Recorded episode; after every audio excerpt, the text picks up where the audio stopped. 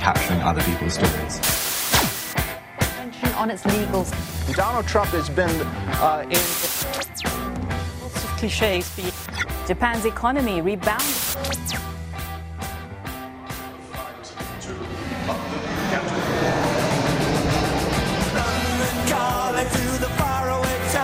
John Carlin, bon dia.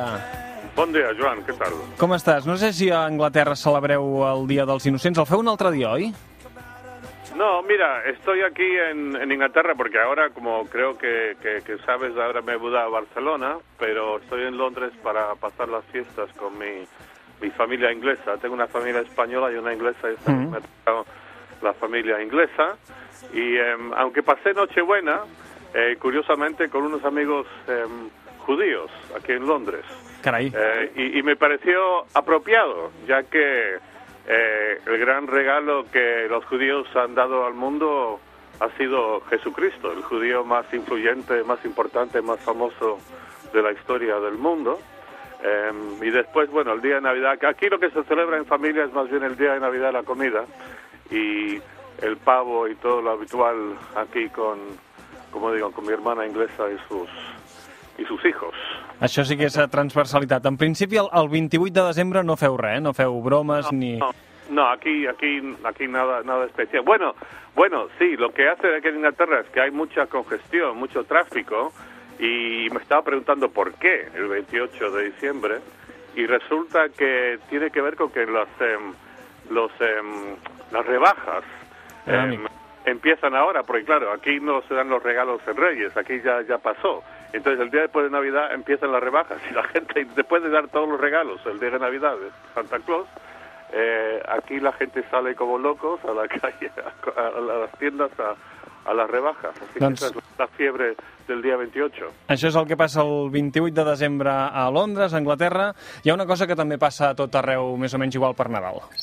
los movimientos migratorios, la desigualdad laboral entre hombres y mujeres y junto a todo ello la falta de empleo. El deterioro de la confianza de muchos ciudadanos en las instituciones y desde luego Cataluña son otras serias preocupaciones que tenemos en España.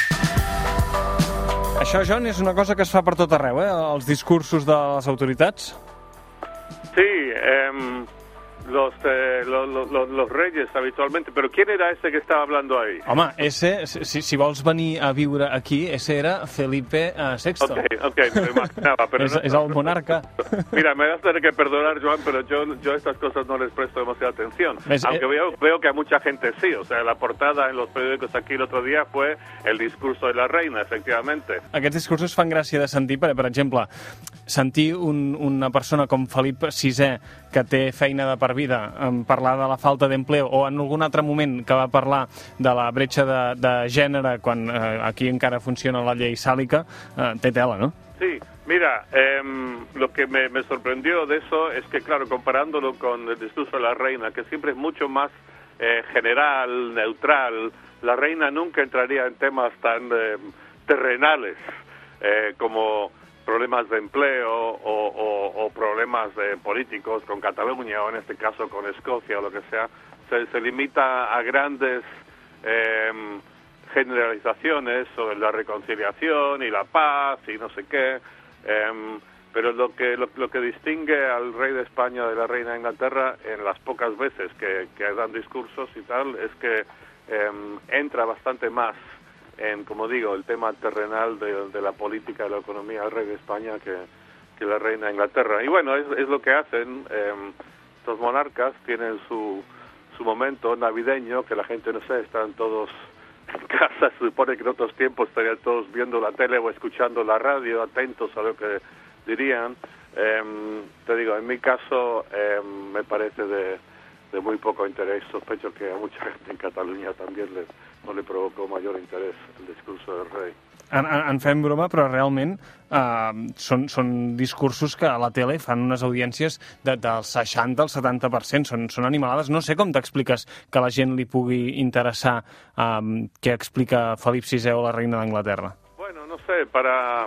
No, no, no, no sé tanto en España, pero aquí en, en Inglaterra la reina es como la gran, la gran mamá de la nación y, y es una figura, claro, de, que, que genera muchísimo eh, afecto, respeto, incluso admiración, entre otras cosas por su longevidad, pero también por su escrupulosa neutralidad durante, ¿qué son?, 60 años y pico que está en el trono, eh, y eso ha logrado que, que, que, que tenga el, como digo, el afecto y el respeto de, de la población independientemente de cuáles pueden ser sus, sus, sus ideas políticas. Es, es curioso también eh, que eh, pese a que ahora de repente, como, como sabrás, el movimiento independentista escocés cobra una nueva fuerza después de, de la victoria de Johnson en las elecciones y, y- y lo del Brexit, lo curioso es que para los escoceses, pese a eso, la reina también es una figura que aglutina, que genera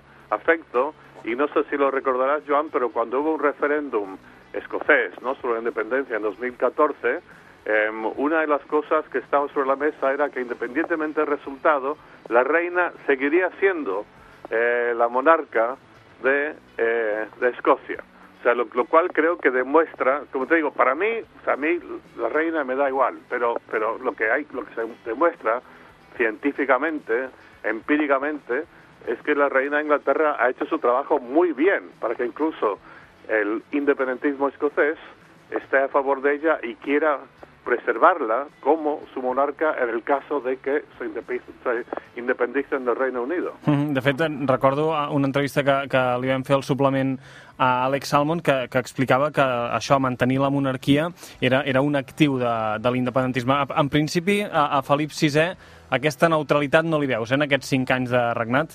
Sí, bueno, em, eh, mira, un, un momento absolutamente, bueno, no sé decisivo, pero importante, con todos los líos que, hubo hace un par de años, en la, época del referéndum DUI y todo eso, claro, fue ese el famoso discurso del rey, en el que, como, como escribí en un artículo en el Times de Londres, en vez de construir puentes, eh, lo que hizo fue cavar trincheras, lo que, lo que a su vez provocó que el país me despidiera dos o tres días después. Así que yo también tengo mi, mi conexión em, con, con el rey, que ha, ha impactado en, en mi vida. Doncs el que farem al suplement és uh, fer tot el contrari del que li va passar en John per escriure uh, fa un parell d'anys sobre el seu punt de vista sobre tot el que estava passant. John, et demanaria, si tu haguessis de fer un discurs d'any nou, uh, què posaries en aquest discurs del 2019? Uy, bueno, que la gente, que, que, que los políticos, y me imagino que el público también son cómplices, deje de, de- de generar eh, líos tan espectacularmente innecesarios como el Brexit o, o todo el, el tema desproporcionado, el lío desproporcionado que había en Cataluña, que, que la gente se dedique no tanto a declamar, eh, sino a, a resolver problemas.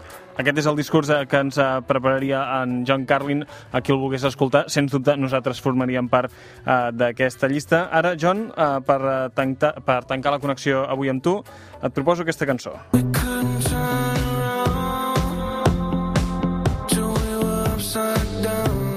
Això és uh, Post Malone, de, és uh, aquesta cançó que es titula Circles. Uh, John, ens trobem la setmana que ve el 2020, eh? Ok, molt bé, gràcies.